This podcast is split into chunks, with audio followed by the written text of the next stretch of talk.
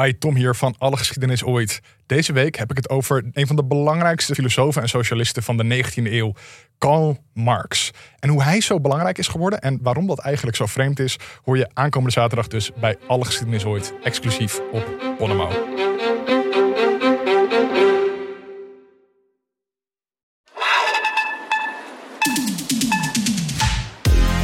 Welkom bij Schaamteloos Randstedelijk, de podcast over alles dat je wel bent, maar niet wil zijn. Mijn naam is Pelle van der Brink en tegenover mij zit Doortje Smithuizen. En zoals iedere week houden we onze luisteraar spiegel voor en onderzoeken we de paradoxale relaties met de systemen om ons heen. Ja, en vandaag onderzoeken we de nieuwe cult van dit moment, Rocycle. Wat is er zo aantrekkelijk aan keihard fietsen in een donkere ruimte terwijl de instructeur van die semi-spirituele wijsheden verkondigt? En hoe komt het, meer uitgezoomd, dat we massaal steeds weer vallen voor allerlei nieuwe culty sporthypes of foodhypes wat dat betreft? Dat gaan we onderzoeken, maar natuurlijk eerst de actualiteiten.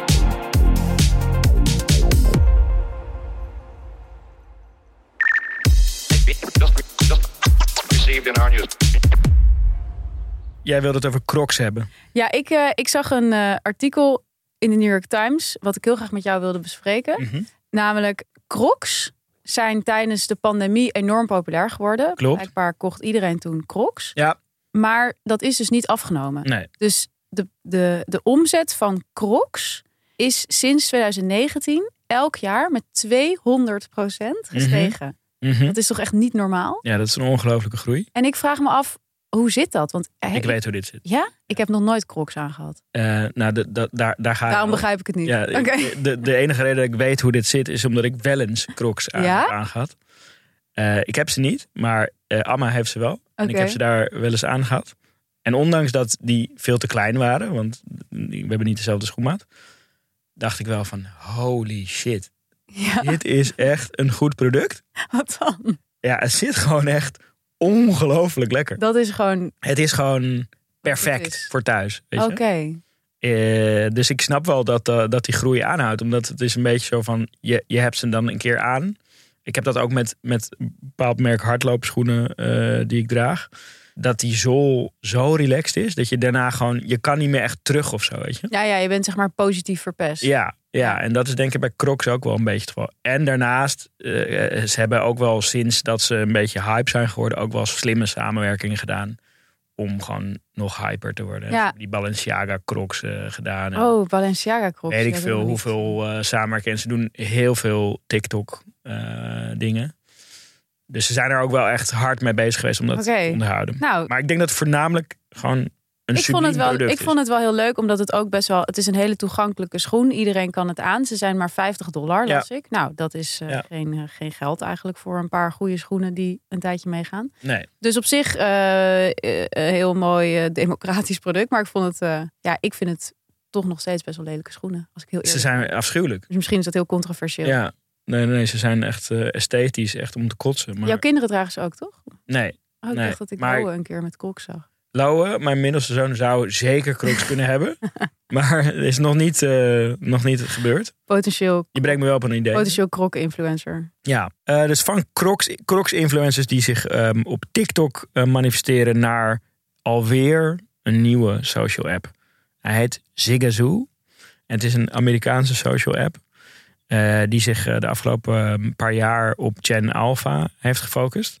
Sowieso bedankt Dat zijn voor dus- de introductie van deze term. Ja, Zigazoo. Oh, Gen Alpha. Ja, Ja, dat zijn dus 12. kinderen van 3 tot 12 waar deze app zich op heeft. Wat op zichzelf al een vrij ja. kwalijke zaak is, zou je, zou je Je hebt kunnen toch ook helemaal geen kunnen eigen telefoon? Nee, dus dat, de ouders moesten wel een profiel aanmaken, Oh ja. maar het was alsnog gewoon een soort TikTok-like eh, interface waarbij ehm, eh, kids eh video's van 30 seconden eh, moeten maken. Ehm, maar dan genudged om allemaal positieve dingen te doen. Dus het is, eh, eh, zoals ze dat zelf omschrijven, non-toxic social media. Alles wat zichzelf bij het lanceren omschrijft als non-toxic, zou ik enorm ehm, wantrouwen. Ja, dat- ik sluit niet uit dat TikTok zichzelf ook Ja, ooit zo heeft alles, ehm, omschreven. Maar investeerders in Zigazoo, Serena Williams, de- ma- haar man is de oprichter van Reddit. Eh zij hebben een groot fonds samen. eh, waar, wat niet in slechte dingen eh, Nou, investeert. En deze, deze app ruikt nu haar kans schoon na de ja, TikTok-hearings en, en het potentiële verbod wat er aan zit te komen. En die denkt, hmm, laten wij ook een Gen Z-versie van deze app lanceren. Dus ze hebben hem eigenlijk getest op kinderen. En nu gaan ze hem op Gen Z loslaten. Wederom, Ik vind het allemaal doodeng, heel eerlijk gezegd. ja, dus ik ben benieuwd hoe dit zich gaat ontwikkelen. Want volgens mij is het, de, het, het historische patroon van social media... is dat het altijd als disruptive begint. Ja. Dus in dit geval inderdaad non-toxic social media. En dan op een gegeven moment de investeerders daar gaan trekken, want er moet geld verdiend worden. Dus dan moet het toxic worden. Dan, ja, dan, dan introduceren ze een advertising model, omdat Ja. het subscription model voor social media nog niet heeft gewerkt. Ja, Ja, en dan gaat alle ideologie naar de haaien. want dan gaat het om, dan zijn alle om de kinderen, aandacht vast te alle kinderen van drie geïndoctrineerd. Precies. Dus ehm, succes. Ik heb er zin in. Ja. Wat ook nog interessant was, was de ophef die ontstond over een Nederlandse start-up en hun samenwerking met, met Levi's. ja, En we hebben een tijd terug ehm, deze mensen geïnterviewd voor een project wat wij samen deden. Ja. Eh, het heet La La Land. heel grappig. Want ik zag dit voorbij komen al op... eh, Jij had die link niet gelegd, hè? Nee, ik had de link niet gelegd tussen dat La La Land en eh, onze project met hen en dit, ja, deze ophef. Ja, dus La La Land is een, is een, ehm, ehm, eh, een start-up of een ja, inmiddels scale-up Nederlands bedrijf. Wat eigenlijk AI eh, inzet om ehm, eh, ja, doorpasmodellen inclusiever te maken. Kort gezegd, toch? Ja, ja, ja. Zo zou dat een beetje moeten omschrijven. En je kon dan online een soort avatar-model van jezelf maken. Dus aan de hand van jouw afmetingen. En die ging dan kleren voor jou passen, toch? Ja, dus het het idee is dat, dat alle maten, alle kleuren, Ja. alle typen. En dat je eh, altijd jezelf, zeg maar, zag als... niet per se jezelf. Oh ja, je kon Eh, dat was volgens mij het Ja. voorpoort. eh, volgens mij is dat de volgende stap. De- dus dat je zelf die, die, die persoon zou worden. Eh, maar nu is het nog wel echt een, een, ehm, een AI ge- Ja. ge- gecreëerde persoon. En nou, zij zijn ehm, al een tijd bezig. En zij maakten onlangs een be- best wel grote wereldwijde deal met, met Levi's. Mhm. En zij kondigde eigenlijk trots samen met Levi's aan van Levi's en La La Land gaan samenwerken om eh, e-commerce eh, inclusiever te maken. Maar dat kon niet echt op heel veel bijval rekenen. Nee, Want eh, het logische tegenargument is natuurlijk van mm, je zou ook gewoon inclusieve modellen kunnen menselijke modellen. die heb je ook, ja. Ja. En dat ehm, zorgde voor nogal, ehm, nogal veel ehm, ophef. Ja, ik, ik ben wel benieuwd hoe dit verder gaat. Ik weet nog wel van dat project dat wij deden... dat ik die avatar-modellen allemaal heel eng vond. Ja, en ze zagen er ook nog allemaal redelijk perfect uit, toch? Ja, het was gewoon doodeng om, Ja. die, om die kleren daarop. Dus, ik, dus Ja. eh, nou goed, misschien ze hebben ze al een enorme verbeteringsslag gemaakt. Dat weet ik niet. We, gaan het, we gaan het in de We gaten gaan het houden. allemaal meemaken. Oké, voordat we naar, de, mm, naar het hoofdonderwerp gaan, gaan we eerst nog even naar onze sponsor.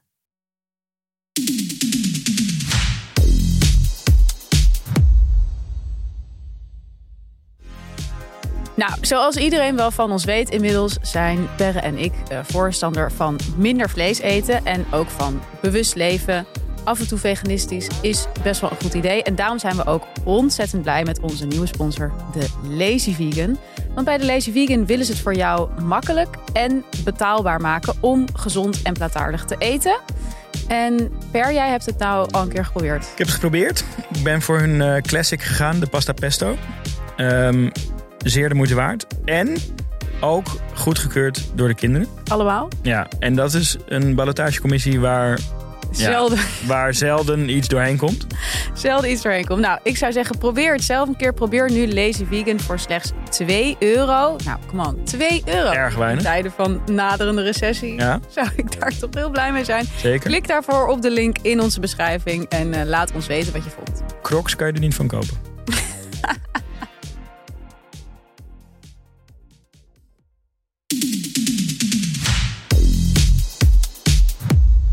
Oké, we gaan eh, door naar ons hoofdonderwerp. En dat hoofdonderwerp eh, gaan we beginnen met een eh, kleine anekdote van mijn kant. Ehm, je hebt van die periodes in je leven dat je echt iets aan het doen bent waarvan je denkt: ik had nooit gedacht dat ik deze persoon zou zijn. Ja. En bij mij is dat op dit moment Rocycle. Ik had echt nooit gedacht dat ik iemand zou worden Die geniet. die gewoon meerdere keren per week met opgeheven hoofd, zonder gêne of zelfhaat, naar Rocycle gaat. Ja, Ik ben ermee begonnen. Een vriendin van mij ging op de Zuidas werken. En die werkte eigenlijk tegenover die Rose Cycle daar. Mhm.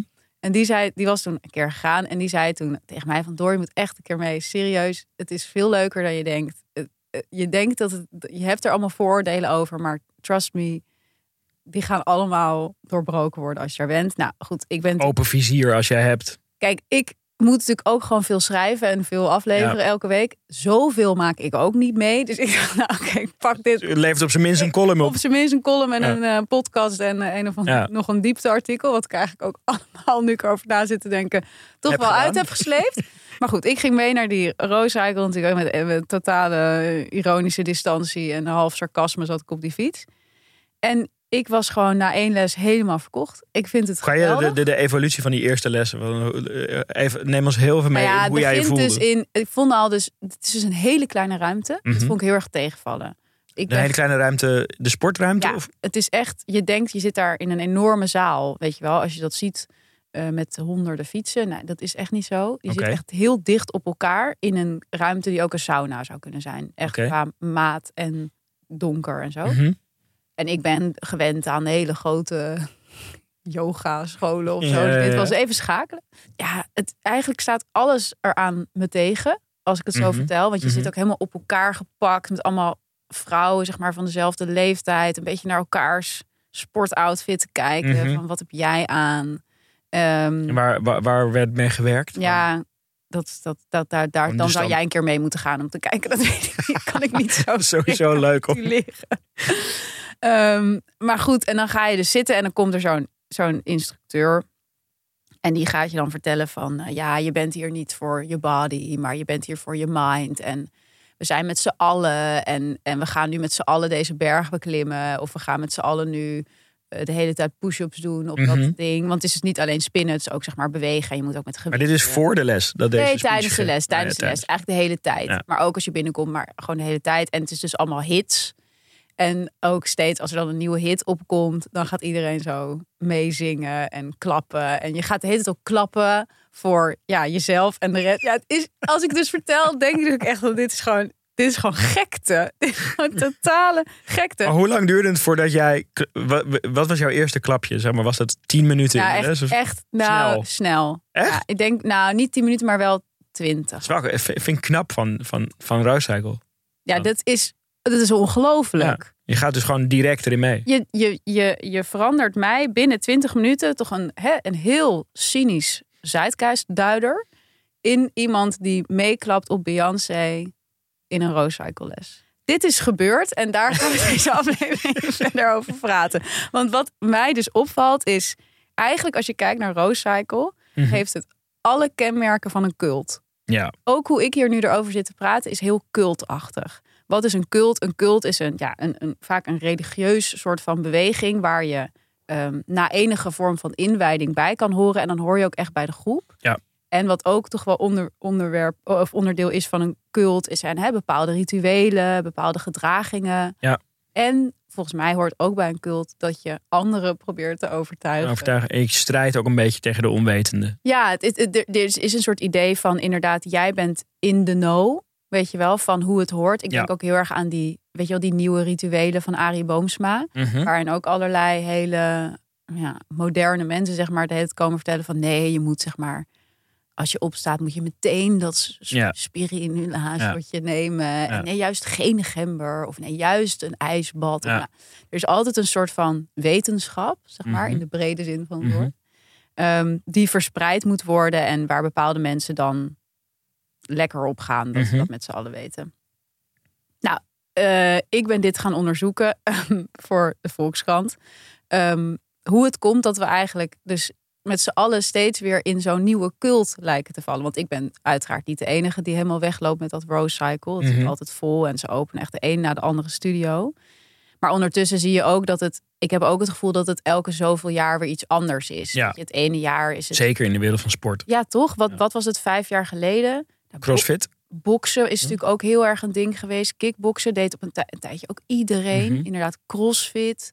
Ja, ja, je hebt in het verleden, als, als, als, als ik aan vroeger denk, denk ik aan dingen als, als, als weet ik veel, Taibo of eh, Oh ja, eh, aerobics. Ja, ja. En natuurlijk die Jane Fonda dingen. Ja, heb je ook nog ja.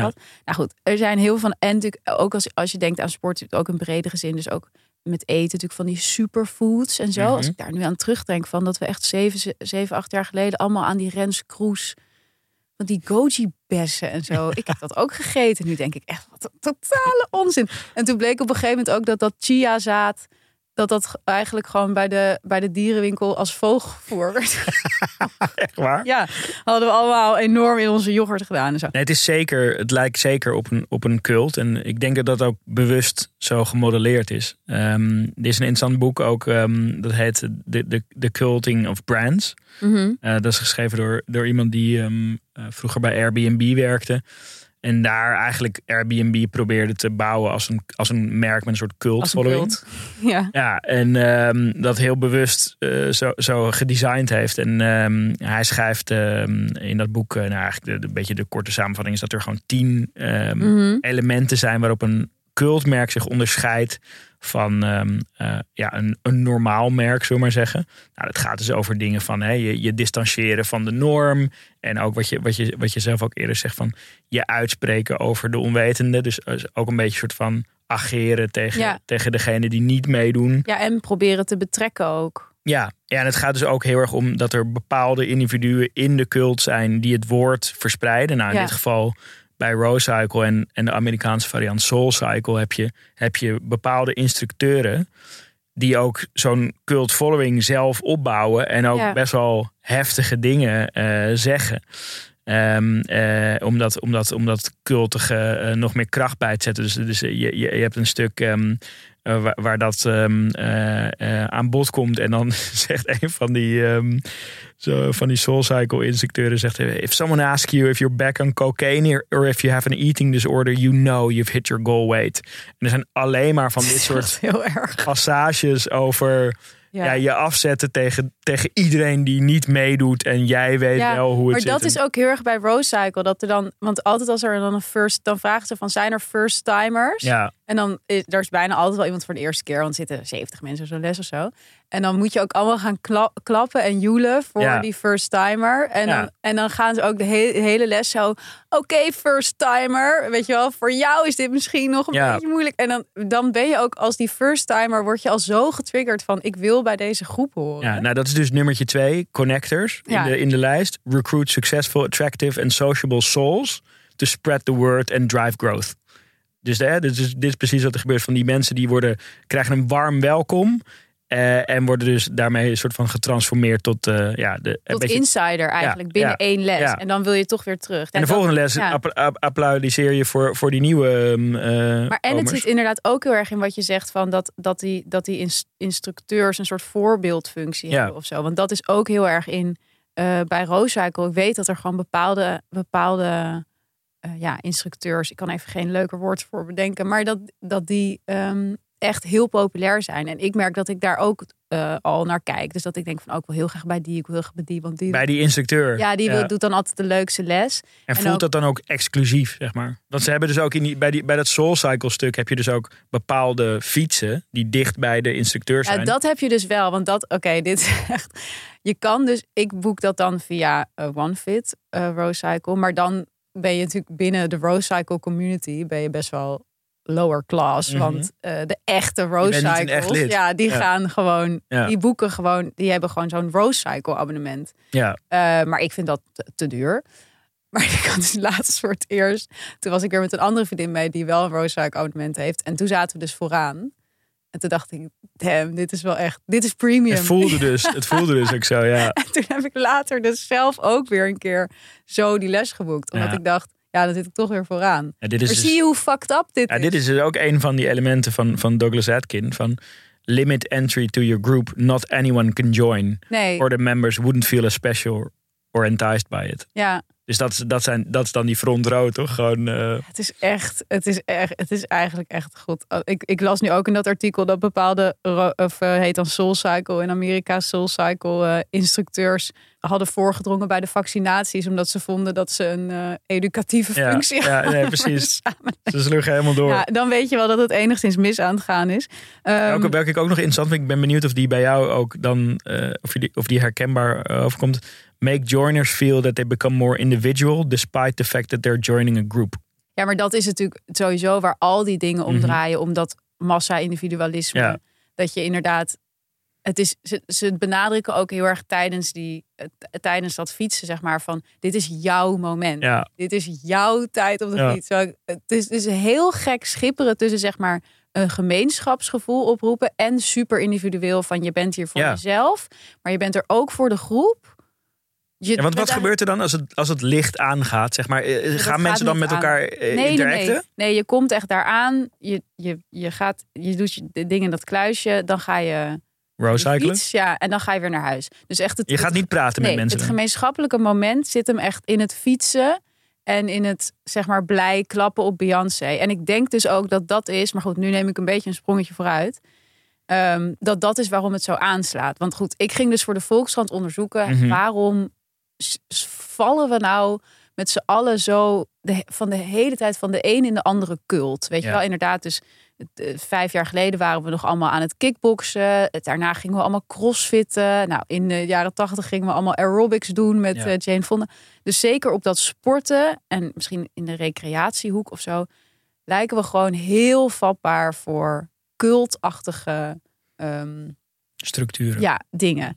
Ehm, en ik heb toen dat boek, ik heb dat al eerder aangehaald in, in deze podcast, maar dat is gewoon een heel interessant boek. Dat heet The Disappearance of Rituals van Byung-Chul Han. En hij beschrijft eigenlijk heel goed waardoor dat komt. Dat hij zegt, we, hebben, we leven in een samenleving waarin we eigenlijk geen rituelen meer kennen. En daardoor ook niet zoveel gemeenschapszin meer. Ja. Dus eh, ons leven wordt eigenlijk steeds meer vormgegeven door nou ja, alle structuren om ons heen. Dus of het nou onze apparaten zijn of ons werk Ja. of eh, de media. Eigenlijk alles vraagt van ons dat we altijd aanstaan. Dat alles wat we doen een soort flux is. Weet je wel, een gesprek is nooit af. Want je kan Mhm. altijd iemand nog appen. S'avonds kan je doorgaan. Je Ja. werk is nooit klaar, want je hebt Slack. Eh, Nou, de NOS gaat altijd maar door, weet je wel. Je stappenteller moet ook elke dag weer tevreden. Dus er is eigenlijk geen...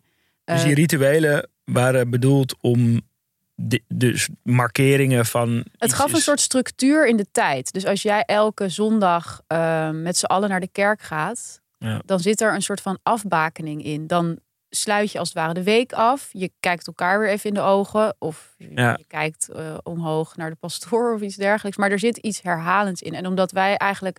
Ja. Eigenlijk herhalen we nauwelijks nog in deze samenleving. Ik herken, ik, ik vind het wel echt pijnlijk herkenbaar. Hoezo? Nou, gewoon bijvoorbeeld, eh, volgens mij eh, hebben we dit ook al een keer eerder besproken, maar ik had dat vroeger heel erg in de, mm, de reis van de stad naar Noord. Dat Ja, dat voor mij een soort ritueel was wat echt heel veel waarde had. Omdat ik Ja. daarmee dus mijn ene en mijn andere leven, ja, een soort transitiemoment. Mhm. Ehm, ja, en ook gewoon wel eh, inderdaad, weet je, van ik ga niet naar de kerk. Dus ik zoek gewoon de hele tijd naar soort momenten die wel terugkomen Ja. om een soort ja, paaltjes het te is gewoon slaan. heel grappig dat jij eh, zeg maar van A naar B gaat met de fiets. Een transitiemoment. toen we denken aan Louis van Gaal. Die het een keer, toen ik bij een interview was met hem.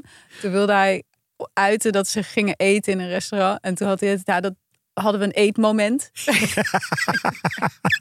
Ja, ik, vind- ik vind het De een eer eetsituatie had hij het ook over. Ik vind het niet erg om met Louis van Gaal Nee, vergeleken te worden. Love Louis van Gaal.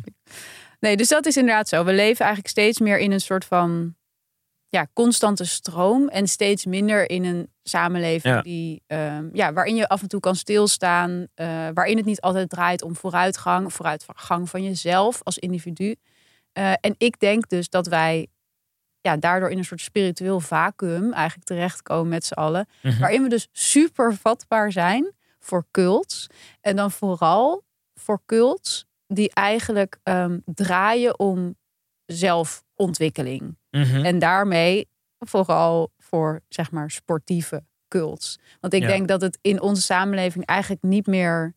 omdat we zo geobsedeerd zijn geraakt met ehm, onze eigen vooruitgang. Weet je wel, geen minuut mag eh, inefficiënt besteed Ja. worden. Maar we ondertussen dus ook heel zoekend zijn... omdat we ons gewoon vervreemd voelen van onszelf en de ander. Omdat we altijd maar eh, ja, schermen tevreden moeten houden... en eh, op, eh, weet ik veel, nieuwe iOS-systemen op onze telefoon moeten installeren Mhm. dat we dus dat daar zeg maar die twee lijnen elkaar raken in sportieve cults. En daarom denk ik dat zoiets als rituals nu zo aanslaat. Wauw. ja, Oké.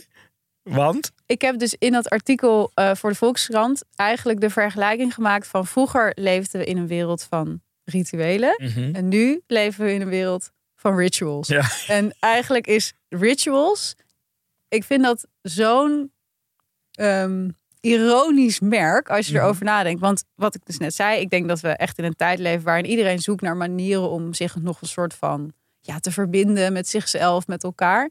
En wat, maar ondertussen hebben we eigenlijk helemaal niet zoveel meer manieren over. En als je erover nadenkt, is eigenlijk het enige wat we in dat kader nog kunnen doen, is consumeren. Dat is waar we als mens constant toe worden aangezet. Ja. En ook eigenlijk als je erover nadenkt, ja, wat voor manieren heb je om zeg maar je identiteit vorm te Te uiten, geven? ja. Ja, of, of, of, of iets zinnigs met je te. Alles is consumptie. En wat ontstaat er dan in, in, in dus een tijd die, die, die door die twee dingen zeg maar wordt gevormd, dus Mhm. door het verlies van rituelen en eh, de dwingende kracht van consumptie, een merk dat dat de zichzelf rituelen verkoopt. rituals noemt en dat producten verkoopt die zeg maar ergens ver weg refereren aan zo van de ritual of Sakura of zo, weet je wel? Je ziet echt hoe ze het bedacht hebben op dat bureau en dat is dan zo, eh, ja, het ritueel van weet je wel, dan gaan ze in Japan als dan de Mhm. eh, bloesembladeren van de bomen vallen en zeg maar de lente op zijn einde is, dan gaan ze daar in Japan naar kijken en dan gaan ze een soort van stilstaan bij het verstrijken van de tijd. Dat schijnt dan een of ander ritueel te zijn. Ik heb het niet gecheckt, dus prima. daarom deze douchegel. En dan zeggen ze nou, en dat is heel erg waar wij als rituals ook in geloven, dat je gewoon als mens ook echt moet stilstaan bij dingen. En dan gaan ze dus eh, inderdaad, en om dat te doen hebben we een douchegel, een body oil, een gezichtswash, eh, geurstokjes, een geurspray, een geurkaars en nog een soort allround eh handdoekenset in dezelfde kleur beige. Dat is ook een cult. dat is ook eigenlijk een cult. Want het is iets wat jou belooft dat het je een soort van houvast geeft in deze, zeg maar, gekmakende, Mhm. snelle wereld. Maar uiteindelijk is het gewoon iets wat je consumeert. Ja. En wat je alleen maar nog meer isoleert. Want laten we eerlijk zijn, niemand gaat een gevoel van verbinding met de wereld om zich heen of met zichzelf terugvinden door eh, geurstokjes. Nee. Dat gaat gewoon niet gebeuren. Ik vraag me bij rituals ook wel echt af of die consument dat verhaal er ook uithaalt überhaupt hoor. Nou ja, ik denk heel eerlijk gezegd dat het ze bij rituals niet super veel uitmaakt. Want ze gaan echt fucking lekker. Dat bedrijf heeft echt mega omzetten elk jaar. En al twintig jaar alleen maar groei. Ja, Dus nee. ja, whatever they're doing, eh, het slaat wel aan. ja de ritual of, of geld scheppen. Ritual, ritual of geld verdienen. Ja. Ik zelf ook erg vind.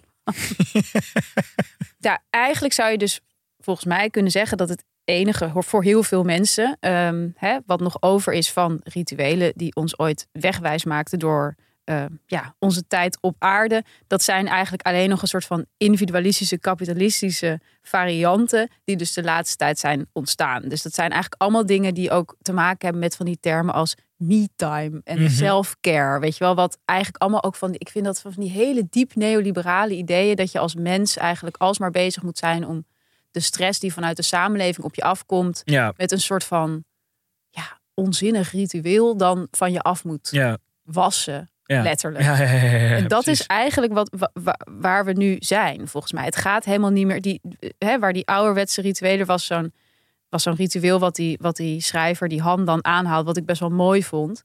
Ehm, hij beschreef dan hoe in een heel oud Hongaars dorp, ja, het is ook allemaal een beetje Mhm. reactionair, maar ehm, dat er dan in een oud Honga- Hongaars dorp leefde, eh, dat hele dorp leefde dan om een boom heen. Ja, Dus zij keken allemaal uit hun raam naar dezelfde boom. ja, En die boom, die, dat was zo'n hele grote perenboom. En die was dan elk jaar, weet je wel, kwamen daar weer bladeren aan en peren. En dan elk jaar vielen die er weer af. En, dan, en doordat ze eigenlijk elk, al- altijd met elkaar naar die boom keken, hadden ze al een soort gemeenschapszin. En hadden ze al een soort gevoel. en een, en een indicatie van tijd. en een indicatie van tijd. En een soort gevoel van ver- verbondenheid met Mhm. elkaar. Maar ook een soort van met, ja, het, inderdaad, het voorbijgaan van de dagen. Mhm. En het steeds weer opnieuw beginnen van een jaar. En ik denk dat hij dat eigenlijk gewoon onbewust ook zoeken. Ja, Zulke soort houvast. maar dan op een soort hele luie manier. Nou ja, maar het wordt ons natuurlijk ook niet echt aangereikt. En wat ons wel wordt aangereikt is, weet je wel, zoiets als Wim Hof of zo. Ja. Dat je zegt, ja, weet je wanneer jouw leven echt interessanter wordt? Als je elke dag in een ijsbad gaat zitten. En dan denk ik ook, ja, dan zitten we daar allemaal alleen, zeg maar, in dat Ja, maar ijsbad. ook dat is, ook dat, is dat, dat, dat ehm, reactionaire wat je, waar, je het, waar je het net over had, toch? Van, dat, doen, dat doen al- alleen maar mensen die extreem drukke levens hebben, toch? Ja, niemand die gewoon een normale baan heeft, doet Wim Hof. Weet je? oh.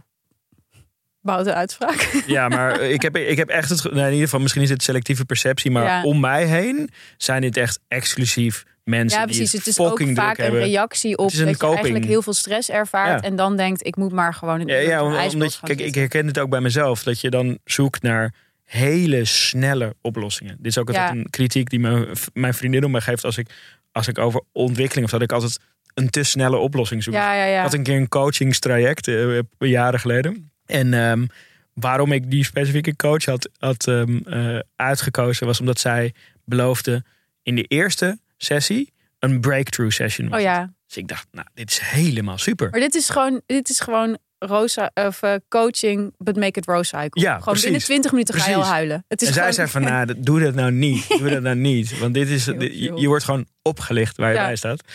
Nou, eh, Maar we houden er ook van om te worden opgelicht, toch? Want dat is het natuurlijk. Het is de realiteit van dat we gewoon iets missen wat we heel moeilijk weer opnieuw zouden kunnen opbouwen. Namelijk gemeenschapszin, weet je wel, Mhm. stilstaan in een wereld die steeds harder doordendert. Eh, dat, dat is gewoon best wel confronterend. En en liever... we weten ook niet meer hoe het moet, Nee, toch? we weten niet meer. Dus liever gaan we dan gewoon eh, drie kwartier rooscyclen... dan dat we echt gaan nadenken van... jeetje, hoe zou ik dat spirituele vacuüm nou kunnen vullen? Ja, en het- ik moest ook denken aan die, aan die oude, oh, dat is een moeilijk eh, woord om uit te spreken, Aura-ring. Mhm. Eh, volgens mij hebben we het hier ook al een keer eerder over gehad. Dat is zo'n, ja, eigenlijk gewoon een, een Fitbit. Die, die, Volgens mij was dat een door jou voorspelde trend in de... Nou ja, er is een trend die heet predictive optimization. Ja. Dus dat, dat, is, dat is eigenlijk, eh, ja, doordat die AI gewoon beter wordt, dat Fitbits eh, van reactief, van je hebt zoveel stappen gelopen, Mhm. naar veel eh, proactiever ehm Mhm. eh, gidsings, Ja, fysieke en mentale gidsing geven. En dat is eigenlijk ook wat die Aura-ring doet. Dus die zegt, je moet dit doen, je moet zo, zo laat naar bed gaan, je moet dat doen. Nou, gewoon echt, die, die, die vertelt je gewoon precies wat je moet doen om je beter te voelen. Waardoor het ook een soort num ervaring wordt als je dat eenmaal doet of zo, weet je. Maar dat, hè, dus, dus zij, ad- zij adverteren ook bijvoorbeeld met, when you go to sleep, Aura goes to work. Gewoon letterlijk van, jij hoeft, jij hoeft niks te doen, Mhm. wij doen het voor je of zo, weet je. Dus je wordt ook een soort van, ja, Maar slaaf. vind je dat cult? Ehm, nou, dat principe vind ik niet per se cult. Maar hoe ze dat merk dan weer positioneren is dan wel weer een soort... Hè, ze doen wel een Gucci samenwerking. Ja, ja, ja. Dus daar, daar zitten wel weer elementen van zo'n cultmerk in. Maar dit, dit, dit gegeven is niet cult. Het is meer... ehm, ik, ik, ik haak meer in op wat je zegt over van... Hè, je leefde vroeger rondom die perenboom Ja, of ja, zo. en nu leef je rondom die ring. Ja, en het is allemaal passief, zeg maar. Nou ja, en dat is denk ik, ik denk dus dat het, dat het heel tweeledig is. Dat inderdaad, doordat we dus rond zo'n ring eh, leven en alsmaar bezig zijn met onszelf becijferen en optimaliseren, je dus ook behoefte krijgt aan eh, die culty dingen die aan de andere kant worden aangeboden. En dat we eigenlijk, we, hè, we zijn steeds op zoek naar gemeenschap, maar je ziet dus ook dat er dat dat hele idee van gemeenschap ook gewoon enorm wordt vercommercialiseerd. Mhm. Als we het nu hebben over communities, dan hebben we Ja. het over communities van Merken. ja, of expats. Ja. Of eh, ja, mensen die allemaal aan Wim Hof doen. Of Ja. mensen die allemaal aan eh, Koreaanse skincare doen. Of Ja. weet, weet ik veel. Het, het draait ook, die com- de communities, zeg maar, draaien allemaal weer om consumptie. Ja, ik zag, ik kwam wel laatst een, een interessante community tegen. Dus anti, een anti-kapitalistische online community. IMBI heet dat. Eh Amerikaanse bedrijfje. En wel een paid subscription. Maar je mag, mag dan wel kiezen wat je, wat je betaalde. Dus tussen de 25 en 75 dollar eh, eh, per jaar. En dan bieden zij gewoon allemaal programma waar mensen samenkomen met, met, met als kernwaarde transparantie, anticapitalisme en Maar toegankelijkheid. wat gaan mensen dan doen daar? Ja, er, er zijn gewoon eh, eh, cursussen, ehm, eh, talks. het, is gewoon, het is gewoon eigenlijk een platform. Het is weer. gewoon eigenlijk masterclass, maar dan noemt het zichzelf anticapitalist. Precies. Maar dit is precies wat ik bedoel. Dit, Ja. Dit, is, dit, is, dit komt echt voort uit dat mensen bewust of onbewust op zoek zijn. En dat er dan andere mensen zijn die zo slim zijn om te zeggen... Ja, dit is, dit is wat je zoekt. Ja. En uiteindelijk gaan we gewoon in cirkels rondlopen van het ene kapitalistische platform, ja. die kapitalistische platform naar het andere.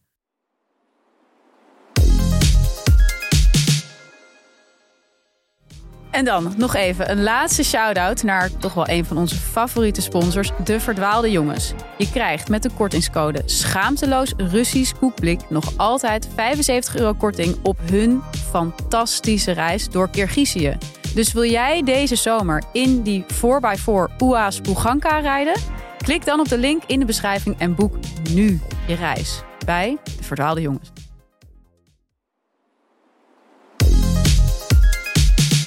Ja, oké. nou goed. Concluderend, om niet al te pessimistisch te eindigen. Eigenlijk moeten we dus op zoek naar manieren waarop... De perenboom. Ja, naar onze eigen perenboom. Ja. En ehm, ik, denk daar wel, ik denk daar echt wel veel over na. Want ik, ik, ga, ik ga zelf bijvoorbeeld nog naast Rose Cycle... Je denkt, waar haalt ze de tijd vandaan? Maar ik ga dus ook nog naar yoga.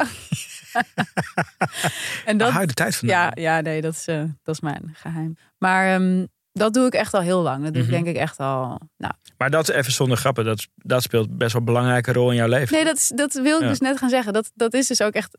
Daar ben ik ook echt totaal niet ironisch over. Mhm. En dat doe ik echt, ik denk al tien jaar of zo. Mhm. En ik doe dus ook een vaste serie altijd. Dus ik doe echt, echt yoga voor nerds. Ja. Waarbij je dus ook... ehm, je gaat eerst zingen aan het begin. Mhm. in Sanskriet. ik praat hier eigenlijk nooit over. Nee. Dat ga ik hier nou ook nooit meer doen. En aan het einde ga je ook zingen. Ehm, dus je zingt eigenlijk twee keer een lied. En tussendoor doe je altijd dezelfde serie houdingen. Ja. En dus ik doe al tien jaar, zing ik hetzelfde lied aan het begin, hetzelfde lied aan het einde. En diezelfde houdingen. Weet je Ja. wel, minimaal één keer per week, toch wel meestal. En ik vind dat dus echt zo'n mooi iets.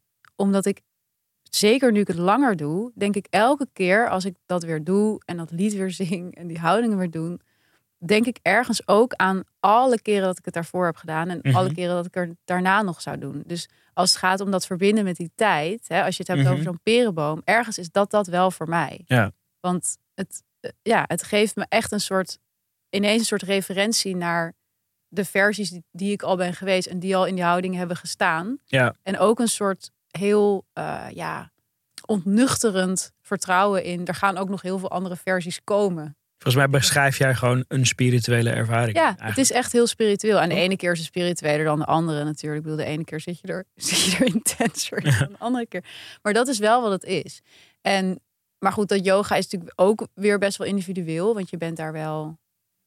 Nou, ik heb dat eerder wel eens verteld. Ik ben niet echt een fan van Groeps. het sociale element van de yoga. Maar ja, is ook eigenlijk een hele ra- raar iets Ja. dat dat Maar überhaupt... dus het bestaat wel, wil ik maar zeggen. Dat Ja. je zo'n soort ervaring hebt. Zeker. Nee, ik kan erover meepraten. Ik heb ook een perenboom ontdekt in mijn leven. Ja, hè?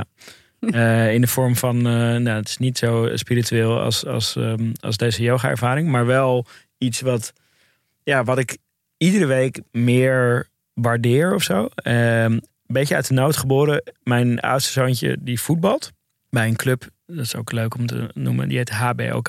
Het begon op klompen. Mooi. Ja. Toch ook een soort krokreferentie. Ja, ja, precies. Toch weer. Het shirt heeft ook allemaal van die kleine klompjes in, in, in het Oh shirt geweven. Waar is dit? Eh, in Zunderdorp. Zo, Ah, achter, precies achter Noord. Heel leuk, klein, kneuterig clubje. ehm, eh, wat vaart op vrijwilligers. Mhm. En dat gaat dus gewoon iedere week mis. Dus je hebt twee trainingen. Een training op maandag, training op woensdag. Training op maandag.